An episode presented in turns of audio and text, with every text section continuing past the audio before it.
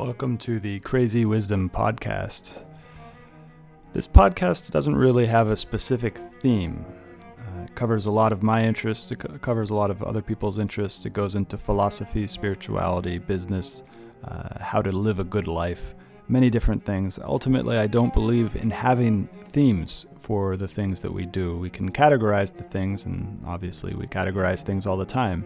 Uh, but I like to keep things open ended, a continuous process of discovering the truth as it is. Uh, and the truth is tricky because we can't really get to the truth uh, exactly because the truth is nonlinear. It is, in the words of John Vervaeke, combinatorially explosive. Uh, even the truth of this window that I'm looking at, the window itself, the glass that makes up the window is combinatorially explosive. The cup that holds your water is combinatorially explosive. You cannot model that cup totally in your head. You're only getting an image of it in with your eyes and your brain. That's not the actual cup itself.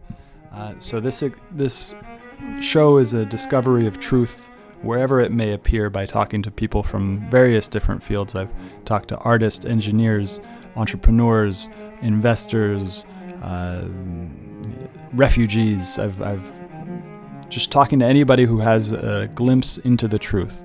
Uh, and through this conversation, through this mutual inquiry into what is true, what is real, hopefully we get to something that is helpful for to you.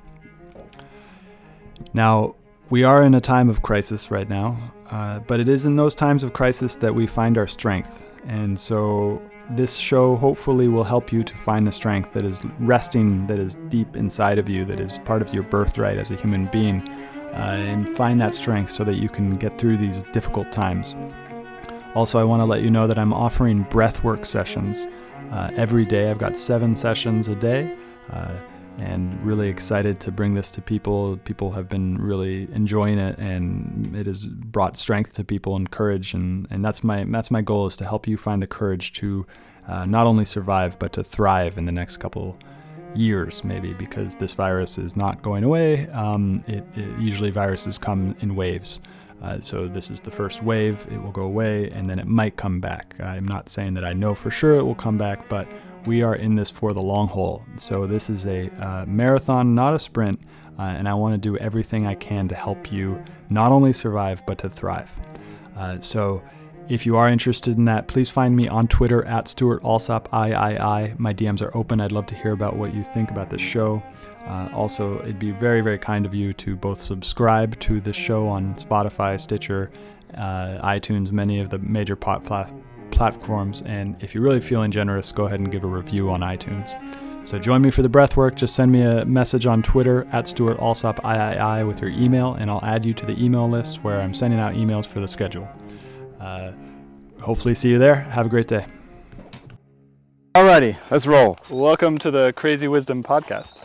My guest today is Bill Lawrence, and Bill works at the Restore and does some other stuff as well. Um, and uh, really excited to have you on the show. Welcome. Well, well, yeah. thank you, Stuart, for uh, inviting me. We're on a hike right now on a trail, and uh,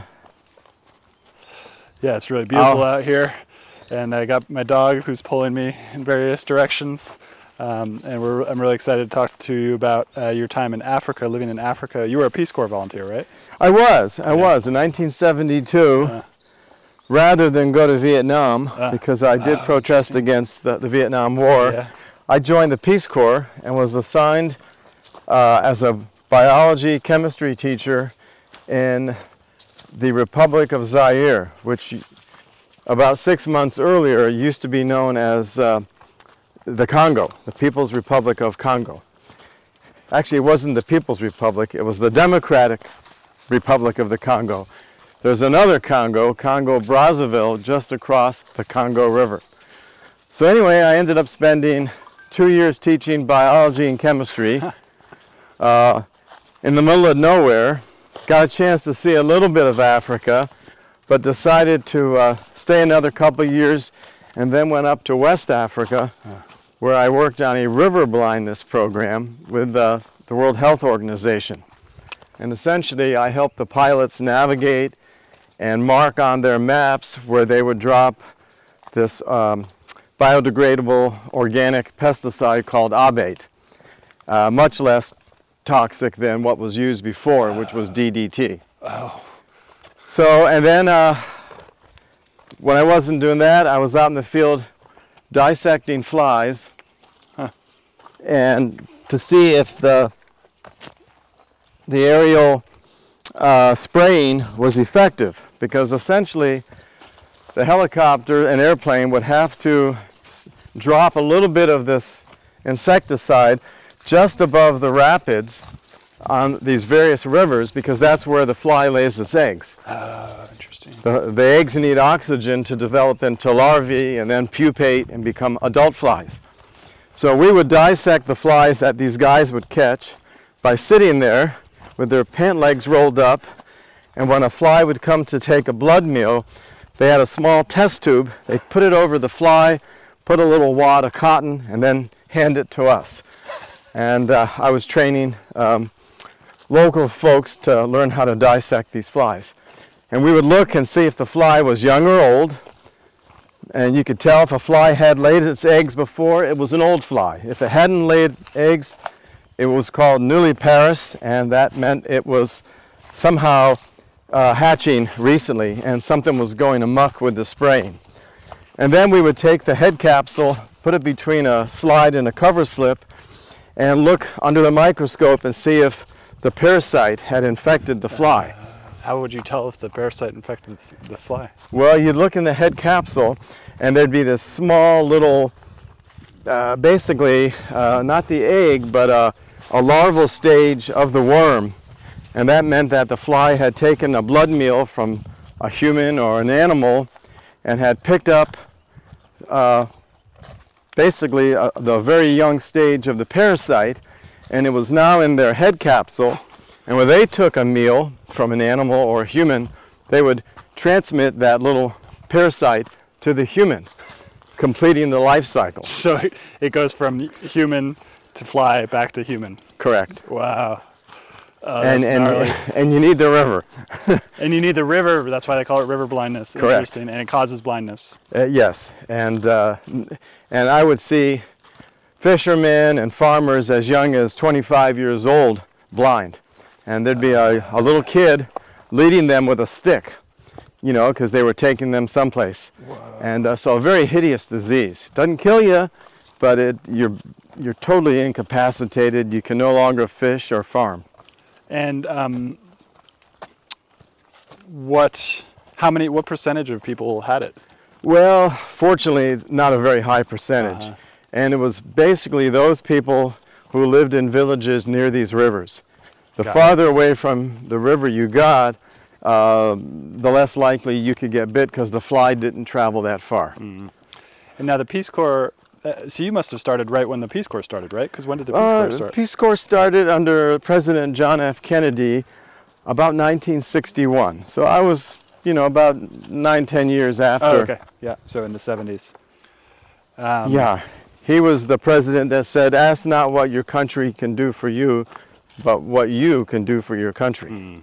Kind of a volunteer, uh, a call for volunteers. and that and that kind of ties in with where we met at the Habitat for Humanity Restore, which was I found out only recently that it was started by uh, President Carter, um, and uh, those both of those presidents are pretty no, well known for that type of type of thing, right? Exactly. Yeah. Um, what got you involved in the in the Habitat for Humanity? Well, when I moved to this little town, uh, a friend of mine, my my, after Peace Corps, I ended up studying public environmental health, and uh, spent uh, another six years in Africa and 25 years in uh, Washington State. And when I moved to this little town, a friend of mine said, "You gotta come see the store. It's all about recycling." And uh, I learned that they were uh, basically a, a Habitat for Humanity operation, and they always looked for volunteers. So I raised my hand. Interesting. Um, I love that store. It's been very helpful for me as I'm trying to fill my house with furniture, something I've never done before because I've been a nomad for basically since I was 20 years old. And then uh, the pandemic kind of made me realize, change my plans a bit. And so I got this house, and now I have to fill it with stuff, and I don't like buying stuff whatsoever, and um, particularly new stuff because it's so expensive. Uh, and then I just now go to the restore, and there's tons of stuff um, going on. Um, what are you, what are your thoughts on reusing, recycling, our environmental predicament that we're in right now? Well, you know, we generate huge mounds of garbage Yes. uh, as, as a society. And a lot of it gets landfilled. A lot of it cannot be landfilled. For example, electronic waste. And uh, in the future, we're going to have to start mining electronic waste. And I'm talking about computers, phones, anything that has a circuit board um, contains metals like gold, silver, palladium, and platinum. And as we run out of those minerals or those metals in the environment, we'll have to recycle them. And and can we recycle them? Yes. So all the stuff that we've thrown away, it's been it's probably deep inside of landfills, is usable. It is, and in many states, they're already developing plans to ah. mine landfills. And what they would basically go in is just open up these landfills, sort through them with machinery, and pull out those things that are actually valuable, such as electronic waste. Um, right now, um, electronic waste should not go in the garbage. Most I've been trying to counties, what to do with it. well, most counties have an e-waste collection site. yeah. In our county, it's out at the transfer station, and you can go there with not only garbage, yard waste, but also uh, household hazardous waste. What about batteries? Uh, so batteries are probably that, right? B- batteries fall into that category. A lot of stores now have uh, button battery and alkaline batteries and rechargeable batteries. They have little containers in the store, and you throw it in there, and they contract with a company to come take it, who then takes it to a big facility where I hope they're recycled. They pull out the nickel, the cadmium, uh, the mercury in some cases. So we have to really start getting on board because a lot of the batteries are ending up in people's garbage because they're small. You don't really pay much attention. Yeah, and they're weird. They're so weird. It's like a lot of things. What are some other things like weird things like paint? Like what? Are, Well- paint cans? What's the oil? Motor oil. That can be recycled. There's actually companies that re-refine waste motor oil. And uh, for many years, you could go into a, an auto parts store and find motor oil, and then on the side there'd be one that was re-refined oil. Oh, interesting. So uh, a lot of that oil also gets burned as bunker C fuel in ocean-going ships. Oh. They blend it with diesel. It gets lost in the shuffle, and as soon as they get out of the port, they can start burning that. So motor oil does get recycled. All your gas stations and uh, uh, oil change places, they cannot just dump that stuff. They have to actually have a company come and take it. Okay. So that's a success story. Yeah. Um, now, paints and stuff, uh, years ago, paint, even latex, Huh. had a tiny bit of mercury in it. So it, it basically became a hazardous waste. Starting probably in the middle 80s, maybe late 80s, the manufacturers st- stopped putting mercury in latex paint. And now latex paint can be dried out and thrown in the garbage. Um, if you have good paint that's not cottage cheese or, or, or moldy, because mold will grow. Cottage cheese paint. What does that mean? If you open up a can of paint and it looks all cottage cheesy, Oh, got it. that's pretty much dried out. But a lot of counties have these programs where you can take it back, usually to your transfer station, Ah. and then they send the paint to companies that actually blend all these paints together. They add preservatives, they add colorants, and then they can them, and they'll have a small selection of colors, and it's basically remanufactured paint. Ah, that's If you- interesting. So we're trying. I mean, we got yeah, a yeah. long ways to go. Well, and I'm, I'm optimistic at the same time as scared shitless.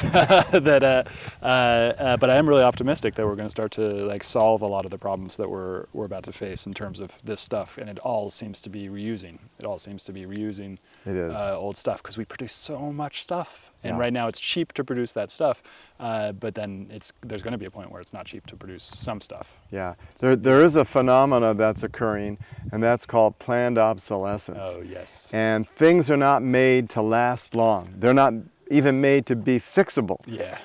Yeah. it stops working, you throw it out. Yep. It's either a, a white good a dishwasher, a washing machine, a dryer, refrigerator. You just take it to the landfill and it gets, the metal gets recycled. They'll pull out the coolant if it has Freon, but then it just gets sold as scrap metal. Mm. In the old days, you'd call a company up, they'd come out and say, yeah, it's the pump, it's the motor, I'll fix it. Yeah.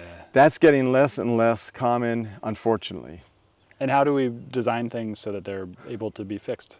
well, I think we follow what is Germany already. is. Germany oh. is one of the few countries that has this cradle to grave philosophy that if you produce a product, a device, uh, whether it's a coffee pot or a, a washing machine, at the end of the life, no matter what, it's got to be recyclable. Interesting. And they try to encourage the manufacturers to make them repairable.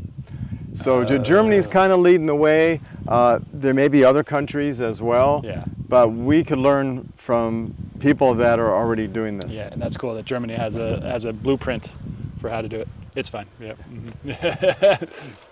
Mm-hmm. oh, um, there's a motorcyclist who's uh, on the trail we're on. This is the first episode where I've ever actually interviewed while we're walking with my dog, uh, and uh, and uh, so we're gonna go a different route. And so Germany already has a blueprint for this, which is great because now I can go research it. Because um, mm-hmm. I'm thinking about manufacturing. I just went to this place, uh, which is a maker space nearby, and it's the most amazing maker space that I've ever seen before uh, with like 3D printers, laser cutters, welding. Basically, if you want to build something, they have the tool, unless it's highly specialized, whatever you're going to build. And so I want to start to build stuff, and I'm thinking, well, how do I actually build it so that I can fix it later. Um, and I don't know how to build anything, so this is all new to me. Uh, have you uh, have you been to the makerspace that I'm not going to name, but uh, have uh, have uh, is very big here? I have, yeah. I have, yeah. and it's an amazing way for someone that doesn't have the money to purchase this equipment yeah. to at least take the classes and learn how to do it, and then you can rent space and rent time and um, build whatever you want to build. Interesting. Whether it's welding or um, uh, I know they have classes on um, what's the other topic? Not pottery, but um, there's welding, woodworking. Uh, uh, you knitting, probably know. Yeah, knitting. Yeah, uh, welding. Uh, there's tons of tons of stuff. It's like uh, everything except for the highly specialized stuff.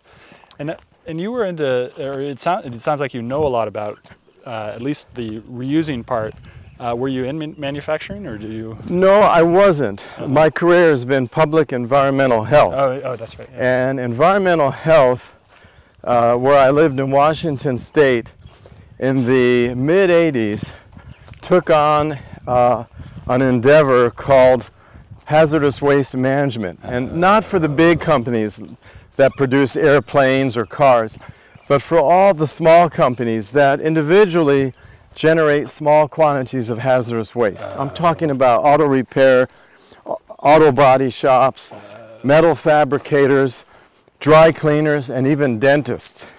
And over the course of 20 years, we set up a program where we had teams going out and visiting these businesses, providing them with good information how they could recycle or dispose correctly of those materials.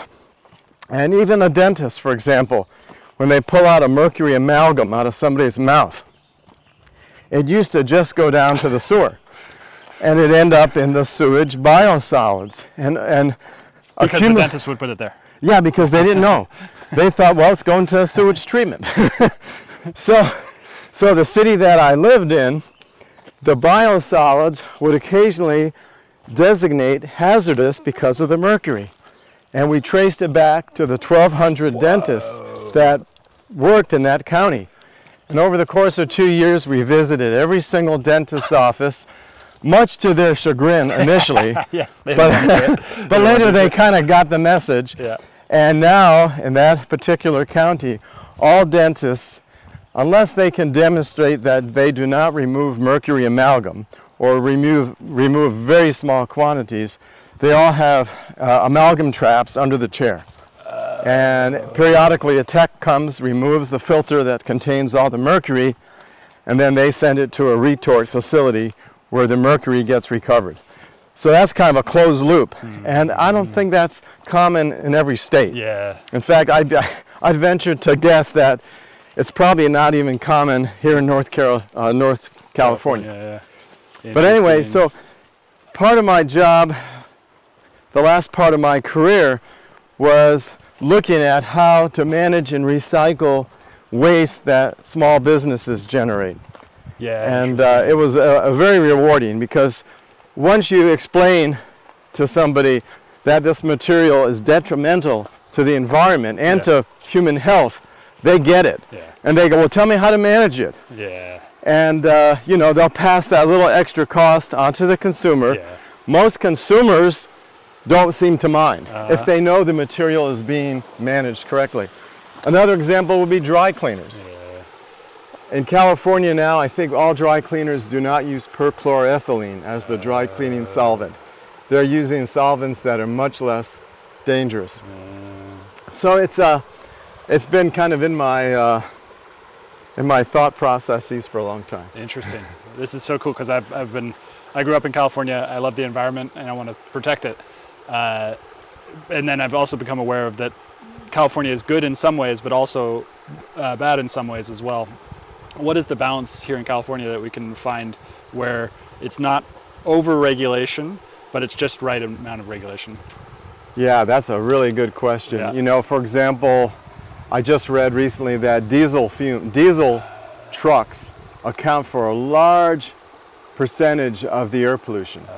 And if you think about it, there's diesel trucks all over the interstates. Yes.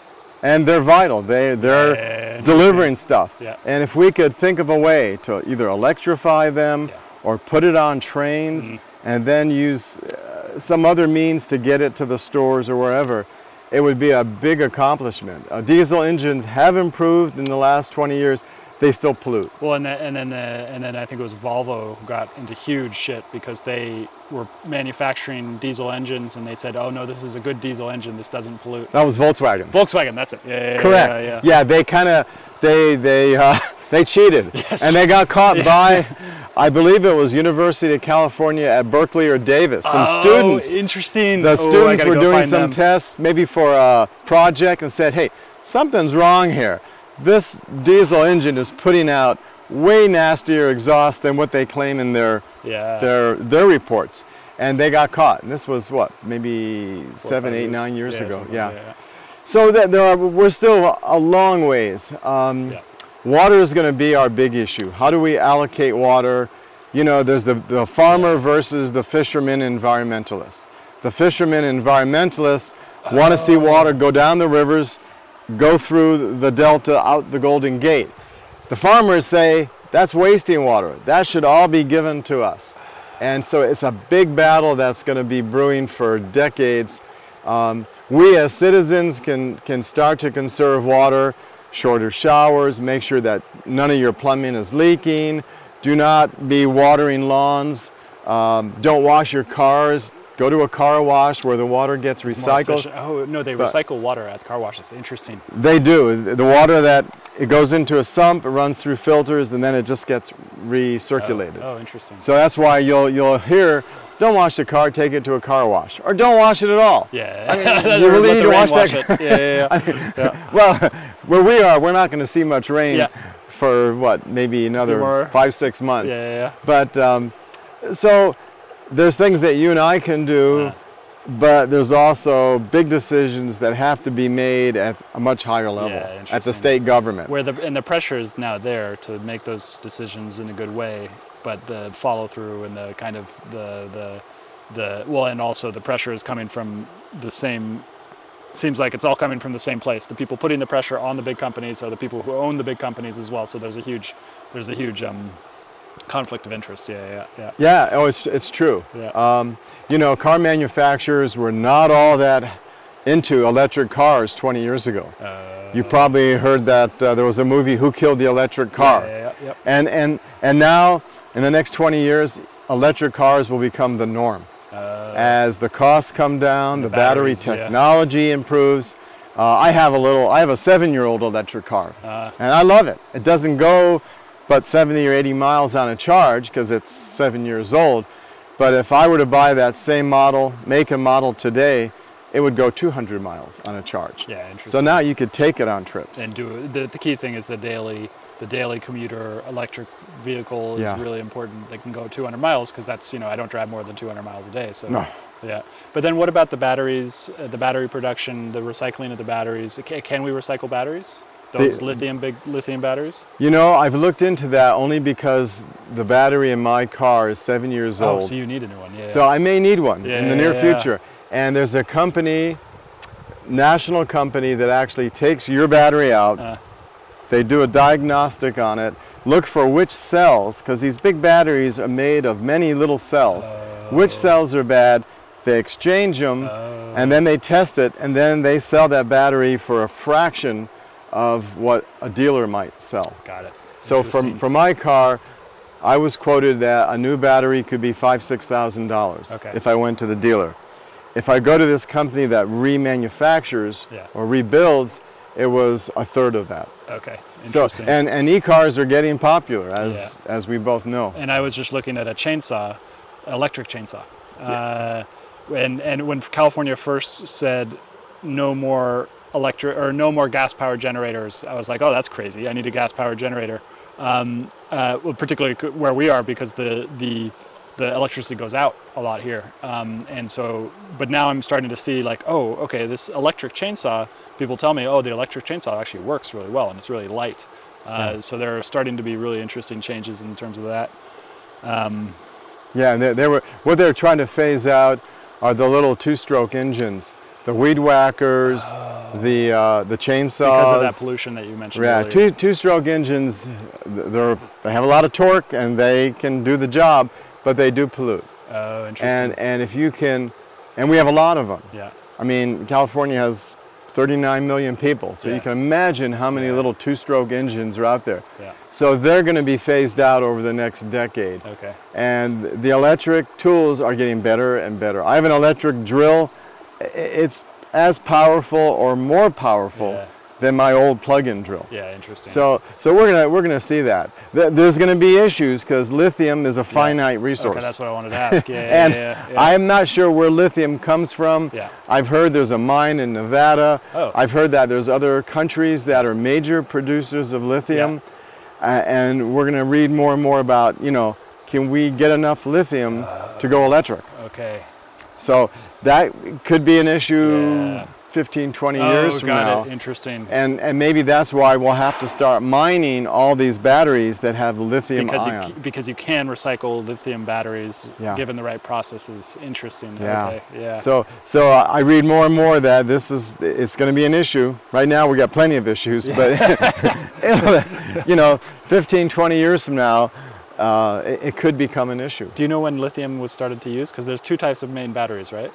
Well, the earlier ones were um, nickel cadmium, NiCads. Oh, And when lithium ion batteries came into vogue a decade ago, Yeah. they basically replaced nickel cadmium All of them are. because both nickel and cadmium are hazardous. Oh. So those batteries needed to go to a recycling facility. They shouldn't have gone into the garbage or just thrown in, uh, you know, on the street. And then if they go in the garbage, do, do nickel and cadmium go into the groundwater? Is that why they're hazardous? Eventually, if a landfill, so landfills, older ones are unlined.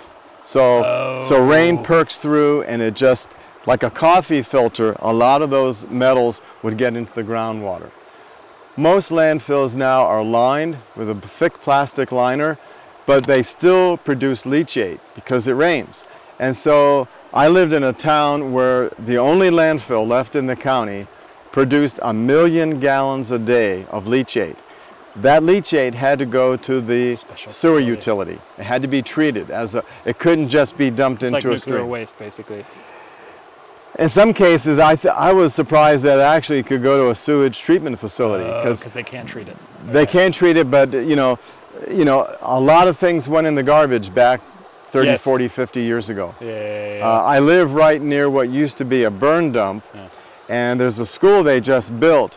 But before they could build the school, they tested the soil, and it was loaded with lead because it was a dump back in the 30s and 40s, the 1930s and 40s. And all that lead got into the soil. And so before that school could be built, had to enter into a program called brownfields that the state has, and they removed the top six, eight inches Uh, where the lead was, and then they built the school. So it does get complicated. yeah, it's so fascinating. I'm glad you seem to have the answers that I'm looking for, which is like this crazy system that we find ourselves in that has just been a product of convenience, uh, is now seems to be on the edge. It looks to me like it's on the edge. Uh, uh, Yeah. To some other people too as well, and, and that that there's going to be there's got to be some big changes made, and I'm trying to get ahead of that uh, and figure out what are those changes quickly. Um, yeah.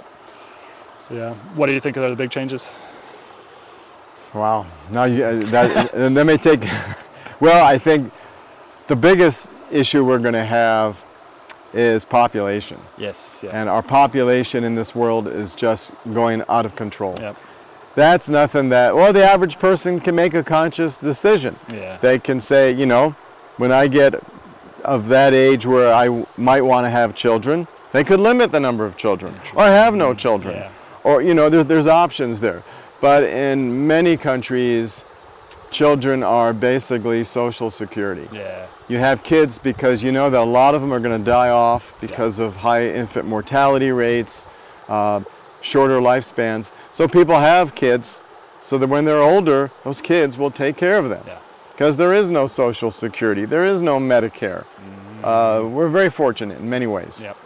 So I think aside from population, it's really going to be how do we reduce the greenhouse gases? We know we're getting close to that 1.5 part per million carbon dioxide.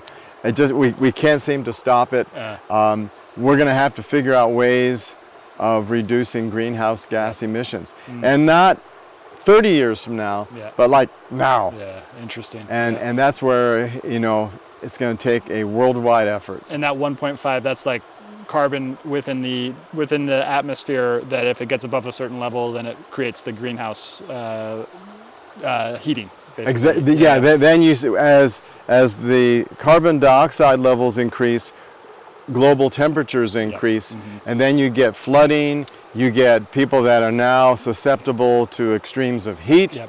When I heard that, it, it may have been either in India or some other country in the tropics.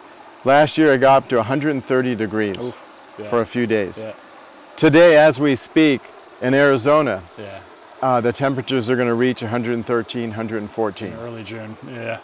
So if somebody is a, a, a climate chaos denier, I, I can only say you got to read the science. Yeah, yeah, You, you can't go on this notion that, oh, it'll swing back and we'll be cooling. It ain't going to happen. Mm. Yeah. Humans are the cause of, of climate change, Mm. and the few scientists that refute it are, there's just overwhelming evidence. Uh-huh. Uh, it, it's so uh, population, climate chaos, and then maybe how do we stop wars? How, how as a how as a species can we stop war? Yeah. It just seems to be a drumbeat, Yeah. and and we're witnessing one right now with Russia invading Ukraine. Yeah. I mean, for what? To take over a section of that country? They have destroyed Mm. city after city. They've killed and and wounded thousands of people, and now there's seven million refugees Mm. from Ukraine that are now dispersed throughout Europe. That's that's a big problem, Yeah. and and uh, we, we've got to we've got to figure those things out. So war, climate, and uh, population, and then but then also it seems like we've been talking about efficiencies and reusing as well. Yeah, we got to keep making improvements Yeah. on on recycling, on uh, manufacturing products that actually have a longer lifespan, Yeah. products that are not toxic, Yeah. And we probably have to start weaning ourselves off of plastics. Yeah. So okay. Yeah. That's uh, the products that are not toxic because the because plastics are everywhere. That we're now in a stream, and you might. I think you probably already know that this stream is probably full of microplastics. Everything, our whole water system's contaminated with microplastics, and like it doesn't seem like there's any clear solution as to how to get it out.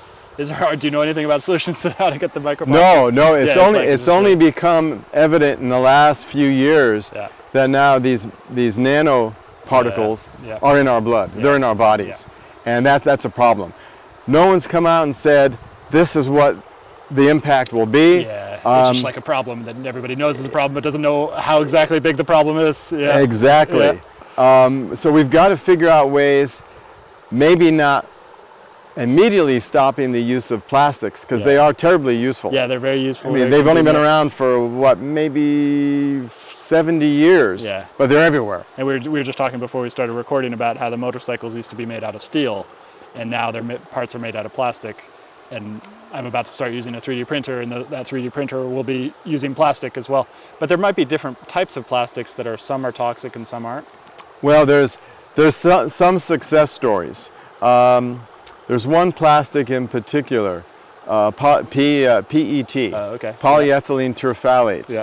And those are those crystal clear soda bottles you see, and they are recyclable. you can weave them okay. into fabric. You can turn them into carpets. Yep. Um, so some plastics are, can you can have a closed loop system if Uh-huh. they get recycled. Other plastics, not so much. Do you know anything about PLA? I P- don't. that's the stuff they use in the 3D printers. No, Yeah.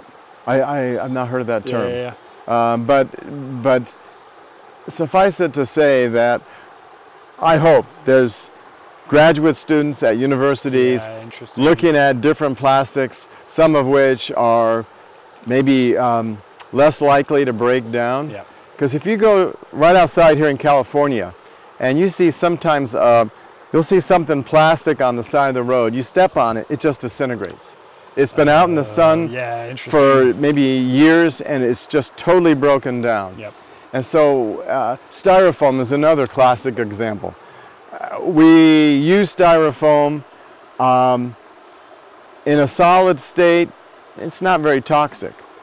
Styrene is Oh, toxic. Interesting. And so I've read articles where you know you can put uh, polystyrene containers on top of each other in a microwave, and there's some breakdown. And so I'm a little suspicious about styrofoam or polystyrene. And the other thing is Amazon boxes, uh, because it seems like cardboard is now like it's just crazy because it's like, it, particularly living out here, I'm, and I'm guilty of this. Is like the the just the amount of cardboard from sent for sending something, and it's just because Amazon's price point at their you know they want to get it the cheapest as possible. Is there a way that we can switch over to something that's like almost reusable, but it would take like a national uh, national project to try to adapt our system into something because that, that seems like a crazy the, the cardboard thing is insane Yeah, there is. Um, cardboard's not a huge problem. Oh, it bec- Okay. because we generate cardboard here in North America from pulp, from Oh, trees. okay. And the fibers are really long. We make really good cardboard. 20 years ago, when I was in, in the recycling business, Yeah. I would get calls daily from women, mostly from Asia, looking for cardboard. At ah. that time, China was desperate to buy our cardboard because they would make it into cardboard again because our cardboard fibers were so good. China hasn't stopped buying it, probably because they generate so much, they just reuse it and reuse it. But if you ever see cardboard from a foreign country, it will not be as robust ah. because they're making cardboard from pulped cardboard. cardboard. so they're recycling, which is good. Yeah. So we can do the same thing here. We can um, recycle cardboard. You, if you go to a grocery store, you'll see big bales of cardboard. Yeah. And that is a success story. It okay can so, get cardboard, recycled. so it's it's a, a problem that was not exist or not real that I thought was a bigger problem that's funny Not as big as plastics. Yeah, well, and, that, and that's the other thing inside of those boxes is plastics. Yeah. There's plastics inside of it, and it's sometimes styrofoam. And, well. and sometimes you get plastic and paper melded together, uh, like it'll be like like a, a milk carton. So milk cartons uh. used to be most, uh, yeah, they were Uh. yeah. more recyclable. Now they're getting to be kind of a problem. Oh, I cannot throw my milk cartons in the in the oh. recycle bin.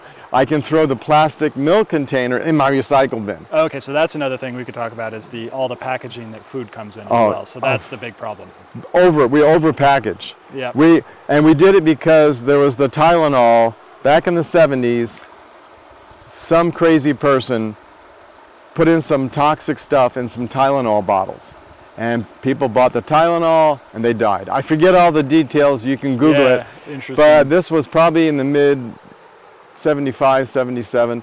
anyhow, after that, the manufacturers made sure that tamper-proof containers Uh, and then theft-proof containers. So now, you know, some of the packaging is almost impossible to open. And it, it all is related to either theft or tampering. And so we have to figure out that again. But that that Tylenol scare was uh, was a big deal Yeah, because we no one could. So the company had to actually recall all those bottles of Tylenol. Uh, they made sure they were tamper-proof, so you could undo it and you'll see a tamper-resistant seal. Uh, but we've taken packaging to the level that I think we've almost overdone it. Yeah, But I don't have the answers. yeah, yeah, yeah. well, and, and so the I, I, uh, my favorite uh, grocery store here, I was worried about another problem that turned out to be a non-existent problem was that they, I was getting the pre-made meals and they were putting them in what I thought were plastic, but they're actually made from uh, cauliflower or cornstarch or some something that starts with a C. Uh, and I was like, oh, okay, I don't have to worry about it anymore because they're like, but but then I then I was going to the 3D printer and they also said that the 3D printed stuff was made from cornstarch, and then I asked him if there was anything else in there. He's like, oh yeah, there's a bunch of fillings and stuff like that. Um, so and this is the hard part I have is just like everything is obscure, just as a product of hum- being a human being because we look at things and we don't have any idea what's in those things basically. And there's just like tons of stuff in those things that we don't know of, and there's somebody who knows it, but they're not always around to tell me.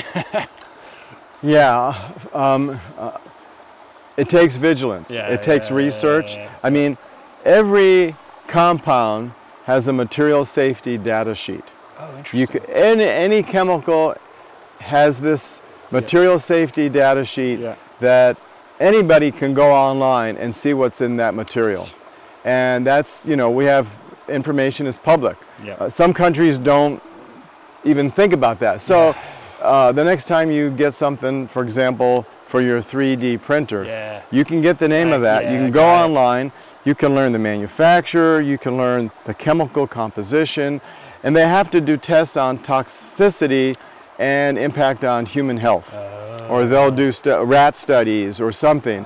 and so um, look that up, material safety data sheets. Yeah. They're, every company has to provide one. In fact, most businesses in California, if they have hazardous material, have to have a notebook in the office Yeah. that will have a material safety data sheet for every chemical they use. Wow. And it'll help first responders, it'll help fire, uh, it'll help somebody who might be exposed.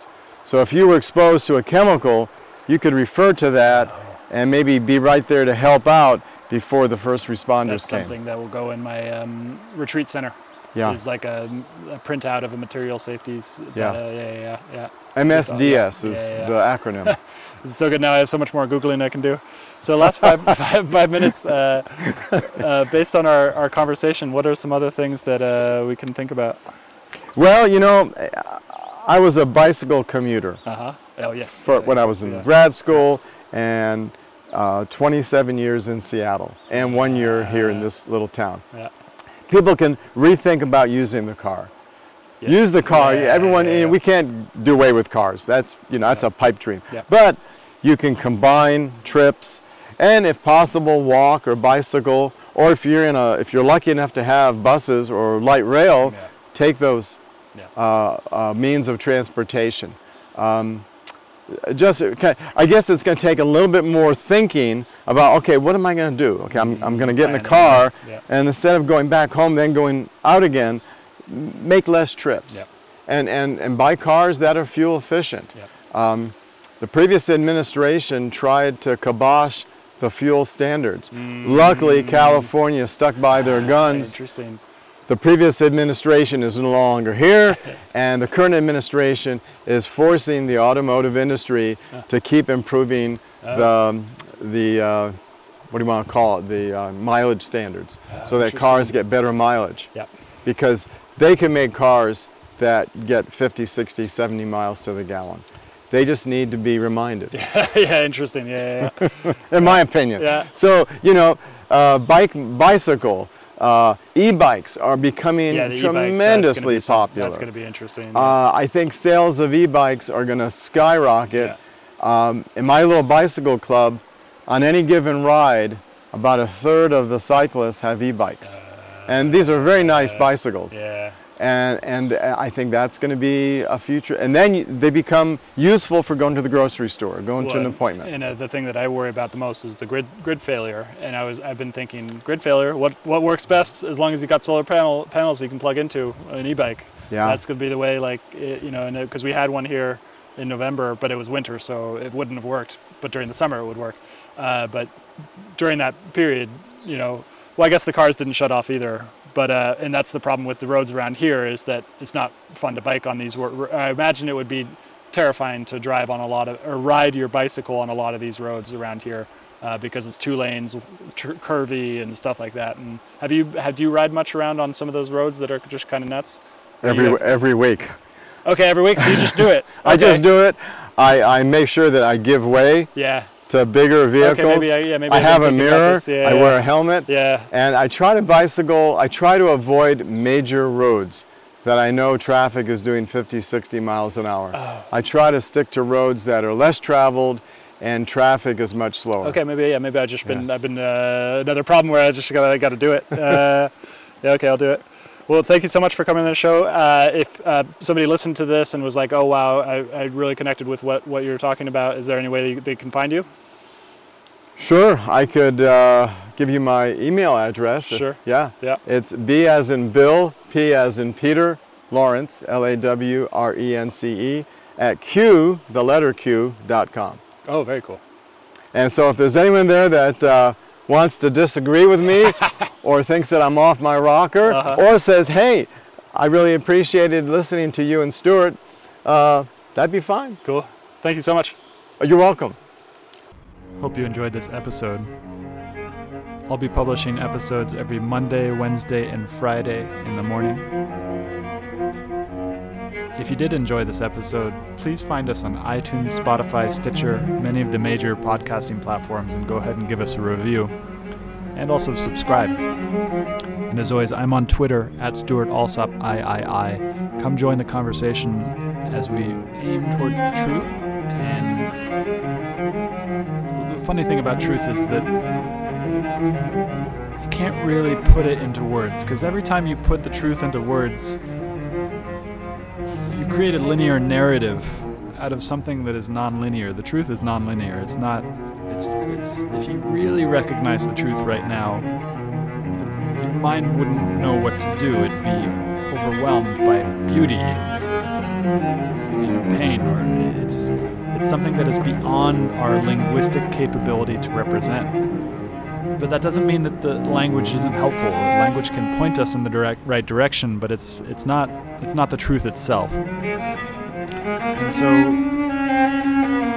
come join this collective inquiry into the truth.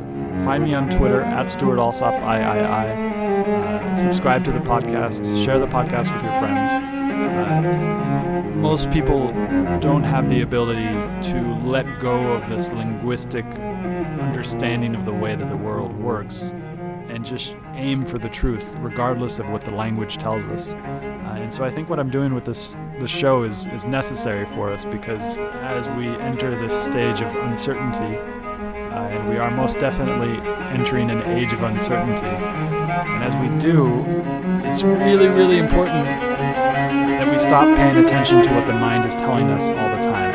Doesn't mean to say that the mind doesn't have its place. The mind obviously has its place, but it's just one of the senses. It's just one of the tools that we can use. We can use the mind, we can use the feelings, we can use our actual senses. Uh, we can check our intuition with other people because sometimes the intuition tells us the wrong thing as well. Sometimes the intuition is wrong. So it, we can't we can't rely on any one tool to get us there. So come join the show.